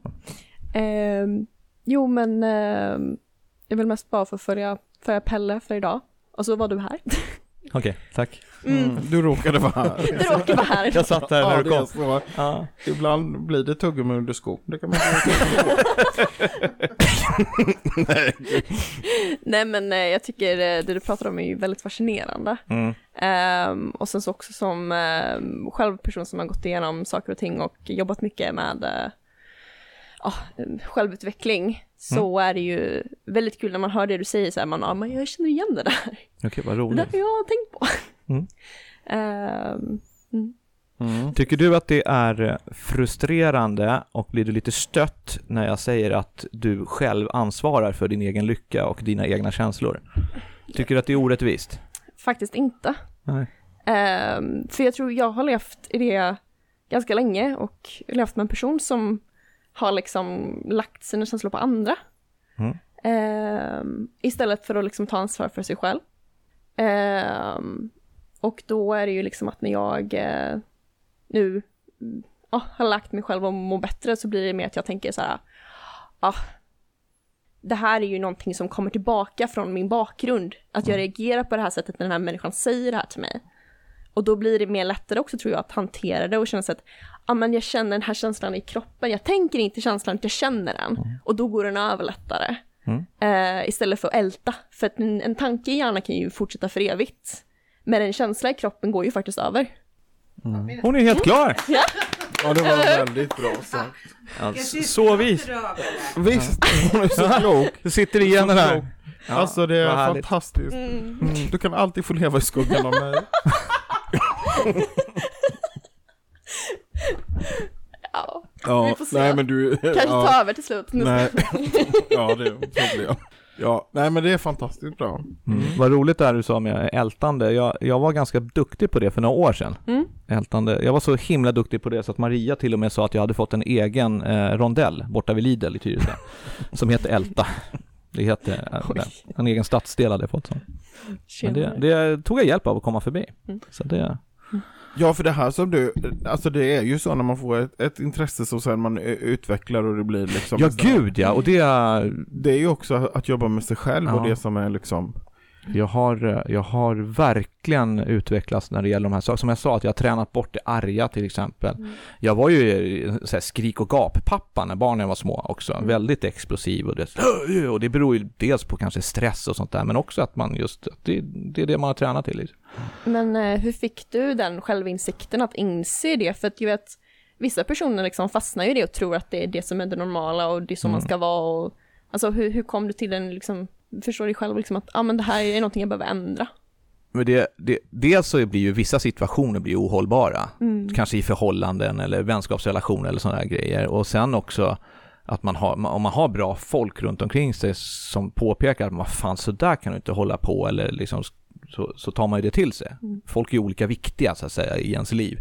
Och ehm, så, så därför kommer det, och ju mer jag har hållit på med den här personliga utvecklingen, desto mer som du säger kommer man ju på om sig själv. Så att shit, ja just det, men vad fan där är Så att jag har ju otroligt, alltså fått otroligt mycket hjälp i mig själv av det jag håller på med. Mm. Och det är otroligt givande att sitta med klienter och coacha och sådär också, för jag lär mig väldigt mycket om mig själv eh, varje gång, varje Mm. gång man har en klient. Liksom. Fantastiskt bra ju. Ja, det är otroligt, så det är lite win-win där. Mm. Lite egoistiskt då, kan man säga igen då. Att jag hjälper andra så mår jag bra själv och utvecklas. Ja. liksom. Så är det. Mm. Men om man nu känner att det här låter ju väldigt spännande och man vill veta mer och så, hur, hur liksom eh, kommer man i kontakt med dig då? Då kan man dels gå in på www.brainbuddy.nu. Det är Mm. mitt koncept och mitt varumärke heter BrainBuddy. Eh, där kan man boka. Man kan boka dels föreläsningar till företag och events och möhippa eller vad det nu kan vara för någonting. Eh, och där kan man även boka coaching, vanlig coaching. Och då är det ju samtalscoaching, hypnos, NLP som är det stora. Liksom. Där kan man få hjälp med att ändra program och få bort blockeringar och sådana där saker. Fab! Eh, sen finns jag även på Mm. Facebook och TikTok, Instagram på alla sådär. Då söker man också Brain Buddy. Mm. Sen har jag en egen podd Just, Jag har en egen podcast just. som också heter då. Brain Buddy Podcast. Och den finns överallt där poddar finns. Precis. Släpptes även första avsnittet som videopodd på Spotify och YouTube här förra veckan. Så den kan man gå in och kika på, Brain Buddy Podcast. Där undertecknad har varit gäst. Ja, ja, du var ju faktiskt gäst i avsnitt nummer två, vill jag, eller tre, fyra, något avsnitt var det. ja, Det var mysigt, hörru. ja, det var roligt. Mm. Mhm. Ja, Hörrni, ni, eh, jag håller på lite med så här hypnos och, Mm. och sånt också. Så, Pelle, jag tänkte så här, är du sugen eller? Bara ställer upp lite grann. absolut. Ja, vi kör en, två snabba grejer tänkte jag. Mm. Är det bra?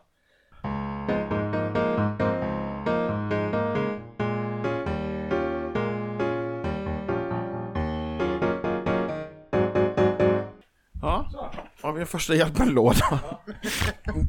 ja, men det var ju jättecoolt faktiskt. Shit, vilken grej. Jaha, Ja, det är skitsamma. vilken grej. Men du hade den där på va? Ja, då så. Det bevisar ju att det här verkligen funkar och att det också kan vara lite farligt. Man kan få folk till vad som helst. Nej, men varför ska du till gymmet? Du kan ju bara göra det här i teorin. Liksom. Ja, men eller hur? Mm. Så, ja, för er som är, nu är vi tillbaka med vanliga mikrofonerna. Eh, Så det jag gjorde precis med Pelle då var att eh, han fick känna på hur det är att bli riktigt, riktigt vig faktiskt. Var det inte så? Ja, det var helt sjukt. Så vi kan berätta hur jag gjorde bara, för det här blir ju ljud, bara det här som vi spelar in. Eh, Pelle fick eh, prova på att nudda sina tår, alltså göra den här gymnastiska stretchingövningen, den klassiska, böja sig framåt. Och du kom ner, vad kan det vara?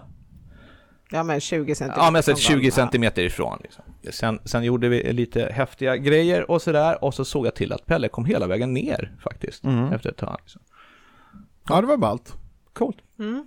roligt. Ja, och jag skulle vilja då bli 15 centimeter smalare. Så Mm. jag tänkte... 15, jag snackar 45, 50. Men då kan man göra en, en övning som heter uh, gömma bearnaise. Och det går ut på att man, man gömmer Jag tror det är det vi har gjort, det är därför vi sitter Ja men du ska inte gömma dig i kroppen! Nej, nej. Nej. Ja, det var det ingen som sa. Nej. Gud, då hade du inte behövt hetsäta allt Ja. där. Ja. Mm. Gömma nyckel känns Gömma pinne. Kan ju skala upp det där, gör man bilen. Det Ja, blir jobbigt. jättebra. Eh, I den här eh, föreläsningen då, den här showen, så kommer det vara lite sådana här saker också. Så att Mm. det är inte, absolut inte en ren föreläsning där jag står och är informativ och så, utan det kommer vara lite, jag kommer interagera lite med, med publiken och de kommer få vara med och jag kommer vara otroligt rolig och Mm. önskvärd i lokalen där jag faktiskt kommer vistas. Vad kul. Mm. Ja, men det ser vi fram emot. Eh, har Pelle någon programpunkt idag? Jo, men idag har jag en liten punkt. Bra, kan vi få jingel? Mm. Varsågoda. Pelle tipsar och killgissar. Jo, ni förstår att jag vill skänka en tanke till en person som är, har varit fantastisk. Som tyvärr har kilat vidare, gått över till andra sidan. Som heter John Barry Humphrey. Eh, och han dog nu den 22 april. Och det är en av de stora eh, komikerna tycker jag. Eh, som, eh, jag kommer ihåg när jag var barn så, så tittade vi alltid på, på eh, så här tv-show som den här personen hade. Och han hade en karaktär som heter Dame Edna Everage. Ja, som ni kanske det- alla känner ja. till. Mm. Mm. Och eh, självutnämnd megastar. Ja, fantastisk. Och eh, han hade även andra karaktärer som var ganska roliga. Men han har nu gått ur tiden. Och eh, han har betytt jättemycket för så många människor. Mig bland annat. Jag vet inte riktigt oklart varför, men jag upptäckte nog det här med humor och hur viktigt humorn är. För jag skrattade hejdlöst och jag kan fortfarande göra det när jag kollar på så här YouTube-klipp och ja, det är helt fantastiskt. Så gå in och kolla på det om ni vill skratta lite. Dame Edna Everage. Eh, och hon har ju också gjort massa citat då, den här figuren. Eller i sina shower och så som har blivit kända. Och då finns det ett som lyder så här. Never be afraid to laugh at yourself. After all, you could be missing out of the joke of the century. det tycker jag är bra.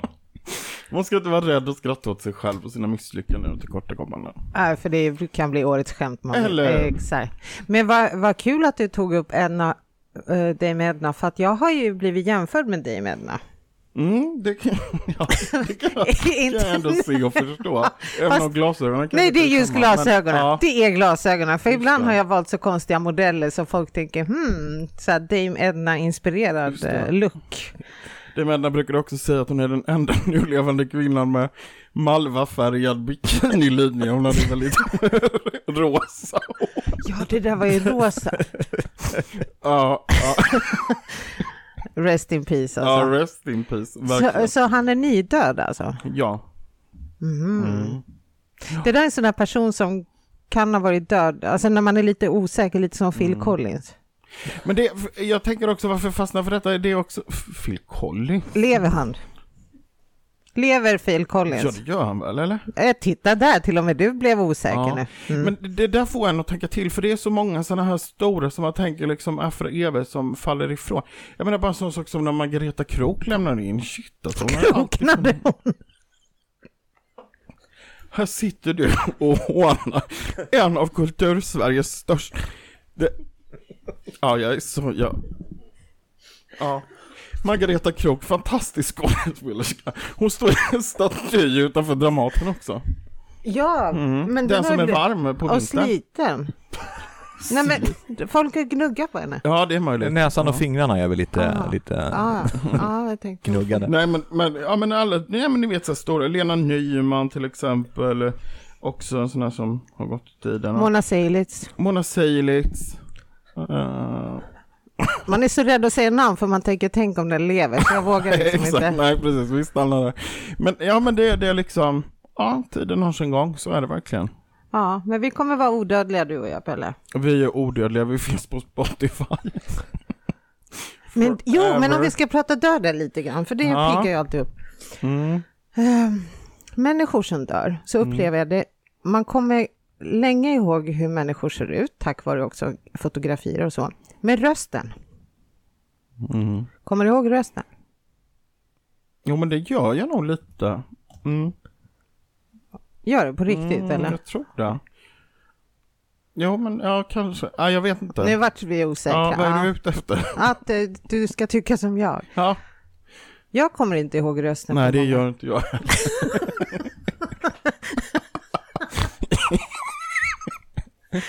Så jag hade rätt igen. ja precis, gud det är, det är helt sjukt, du har alltid rätt. Det, det är konstigt. Wow. Nej då, nej men, men, men eh, ja precis, jo men jag kan nog komma ihåg, eller så, komma ihåg röster, men ju, ja lite sådär, ja. Jag gör inte det. Inte? nej, jag kommer inte ihåg vissa personers röst. Nej. Nej. Nej. Kanske ord. Människor, alltså orden de har Ja, sagt, men inte hur de lät när de pratade. Ja men som Margareta Krook till exempel, hon har en ganska djup röst och liksom, Ja, Men hon är känd, henne kan vi kolla på YouTube säkert. ja. Men om vi tar nu släktingar till exempel. Eller vänner. Jaha! Måste jag tänka efter. Gud, du kategoriserar folk. När jag säger att vi ska prata om döden, då tänker du på kändisar. Så här, jo, men jag minns hur Michael Jackson lät. Det var inte det jag menar, utan jag Nej, tänker du tänkte på, på... mormor. Ja, precis. Nej, det kanske är sant när det ligger så här. Ja, precis. Mm. Om inte du har någon filmsnutt med mormor eller något. Nej, det har jag Nej, inte. jag har inte heller det. Nej, det är sant. Mm. Är det något du tänker på ofta? Nej, jag försöker inte skapa något trauma hos dig eller någon typ av saknad. Nej. Jag vill bara göra dig uppmärksam. Men jag tror tekniker Robert, jag menar Brain Body Robert här viftar något. Jag tror han vill säga någonting Mm. om det här. Vad ville Säg. du säga Robert? Nej, det, nej, det, det jag bara njuter. Jag bara njuter. Du sa någonting om trauma där, men jag, jag väljer att avstå. Håller jag på Mm. att traumatisera Pelle eller Nej, vadå? absolut inte. Ett trauma måste ske snabbare och mer explosivt än så. Ja. Aha. Men då är det bara att det är lite skav då. En gammal hedlig hjärntvätt skulle jag vilja säga. Det, det Är jag bra på det där? Ja, eller, eller vad tycker du? Ja, Ah. gud. Nej, jag vet inte. Ja, blir det några kort idag? Är det någon som vill dra kort? Jag, snälla, jag har sett fram emot det här i 86 avsnitt. Har fått Att sitta bredvid och eh, Aha. jag vill jättegärna ta kort. Mm, Okej. Har du någon jingel? Har jag någon jingel? Frågetecken. Ja, en väldigt välskriven jingel tycker jag. Då spelar vi den. Mamma Maria lägger kort. Maria lägger kort.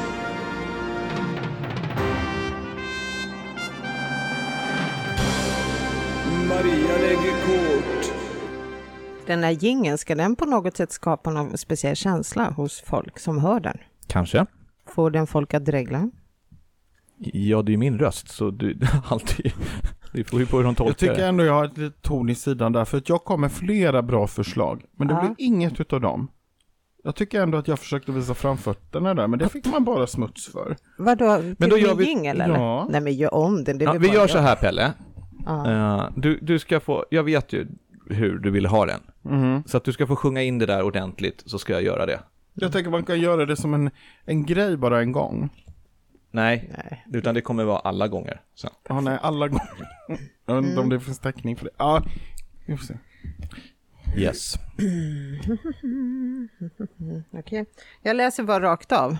Så Mm. får du säga vad du tänker och tycker. Är det då dåtid, nutid och Ja. framtid? Mm. Du drog ett kort eh, bakåt i tiden. Jag tar de här ett kort i taget så att inte du får höra allt, utan vi tar ett kort först och så får du själv berätta för oss. Vad betyder det här? Vad roligt. Mm. Kör. Ja, roligt och roligt. Jag valde det känslotillståndet. Bra. Då säger det här kortet, om vi tittar bakåt i tiden så säger kortet att dina barn på jorden och i himlen är lyckliga och väl omhändertagna av Gud och änglarna. Mm.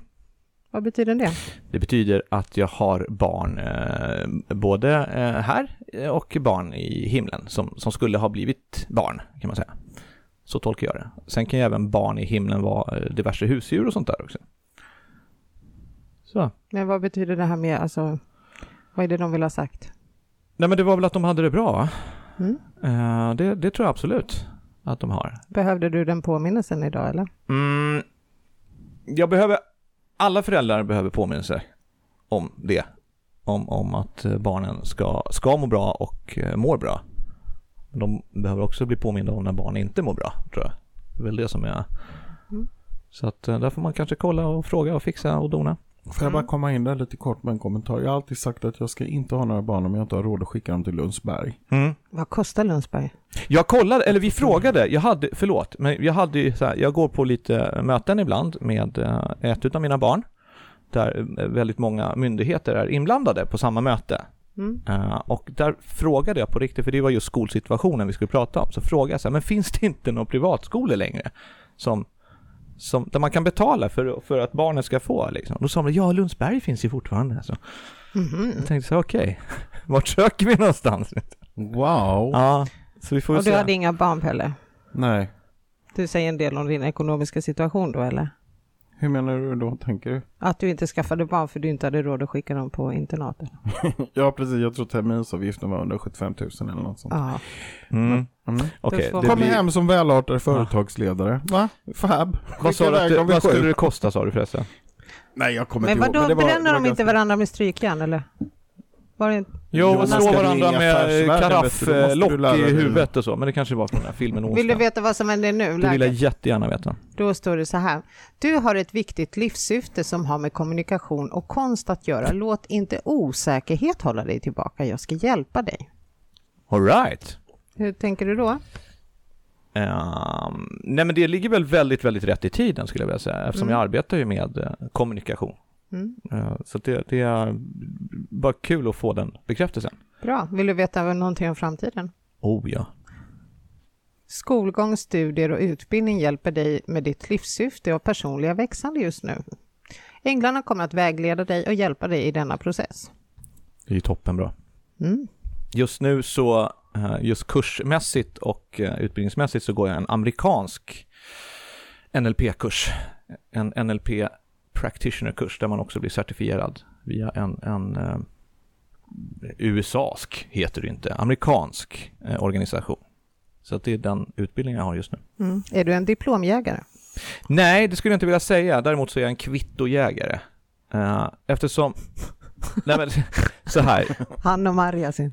Ja, precis. Ja, jag ska skattefiffla lite. Nej, men det är så här att i det som jag håller på med, Eh, jag arbetar ju som coach, det kallas för coach. Jag säger inte terapeut, för att det, det är, har fått lite dålig klang och man förknippar terapeut med kanske psykolog och så istället. Där är det kanske, det ligger så nära den kliniska liksom, vården och sådana där saker så att folk kanske vill ha ett bevis på att jag faktiskt vet vad jag pratar om. Så därför så vill jag ha certifikat, att jag är certifierad i KBT, eller KBT-coach, certifierad NLP practitioner, diplomerad liksom, hypnotisör och sådär. Så i den benämningen tycker jag att det är viktigt. Så Mm. att eh, annars så, eh, nej, så diplomen är ju bara papper liksom. Mm. Det är, mm. Great! Mm. Är det dags att knyta ihop den här säcken för idag? Ja, men det är väl det. Mm. Ja, Det är väl det. så att Robert hinner klippa det här avsnittet. Ja, just det, där slut. Jag får aldrig vara bara gäst. Nej. liksom. Jag måste alltid göra något. Nej. Mervärde som kommer gratis på Mm. köpet. Jag tänkte Ja. också berätta för er kära lyssnare att eh, det här släpps ju snart. Men eh, om ni går in och anmäler er till Uppvakets nyhetsbrev så kommer ni också få en liten rabattkod som ni kan ange när ni bokar på min hemsida och där kan ni boka coaching ja. då till, till eh, lite billigare pris än vad det kostar Det är vanligtvis. jag. Och det är då för eh, era lyssnare tänkte jag. Man måste bjussa på någonting. Vad roligt. Mm. Då gick man man in på uppvaket.se. Man kan Mm. mejla info att uppvaket.se. Mm. Och sen har vi Pelles fysiska brevlåda, lite oklart med adressen. Mm. Ja, det är lite oklart. Men, men eh, uppvaket.se. ja. Mm. Mm. Verkligen. Och brainbody.nu. Och Just. vi alla kommer vara på mässan i Enköping, slutet Ja, det av ska maj. bli så roligt. Jag ser fram emot detta så. Mm. Ja, jag kommer ju faktiskt stå med er, både som Just. tekniker Robert, men ni kan ju med fördel fråga Brainbody-saker såklart också då. Om Mm. Mm. Eh, och sen är Elin i Enköping också. Vi har Mm. Elin här in the house. Hon har kört bordseans. Magiska Som- ja. Elin. Magiska. Elin med andebordet. Eh, och vill man ha besök utav henne, ja, hur gör man då? Har vi några kontaktuppgifter? Det måste gå via oss. Kan inte vi, Jo, men absolut. Då kan man också eh, skriva till info.uppvaket.se. så förmedlar vi. Så förmedlar vi den så, kontakten. så kanske vi följer med och tittar Mm. också. Och det är en upplevelse man inte vill vara utan. Så Verkligen det inte. kan vi ju säga. Och så vill vi ju tacka Hilda. Vilken insats. Ah. Ja, det tycker jag. Wow! Och den här stora publiken, det känns som vi sitter på eh, någon Ja, min mamma är här. Allsång på Skansen. Ja. Va? Jag med mig mamma till jobbet. Ja, bara en sån sak. Det är ju roligt. Vad roligt, det var inte alls nervöst att prata om våra relationer och hur, om jag var arg eller inte och sånt där. Ja. Mm. Och min mor har korrigeringssamtal med dig sen. Ja, precis. Allt ska ut i ljuset. Mm. Ja. Nej Ja. men vi niger och tackar för idag. Ja, verkligen. Stort tack. Tack för att jag fick komma. Alla lyssnare Ja. också. Varsågod. Tack snälla. Hörs om en vecka. Det gör vi.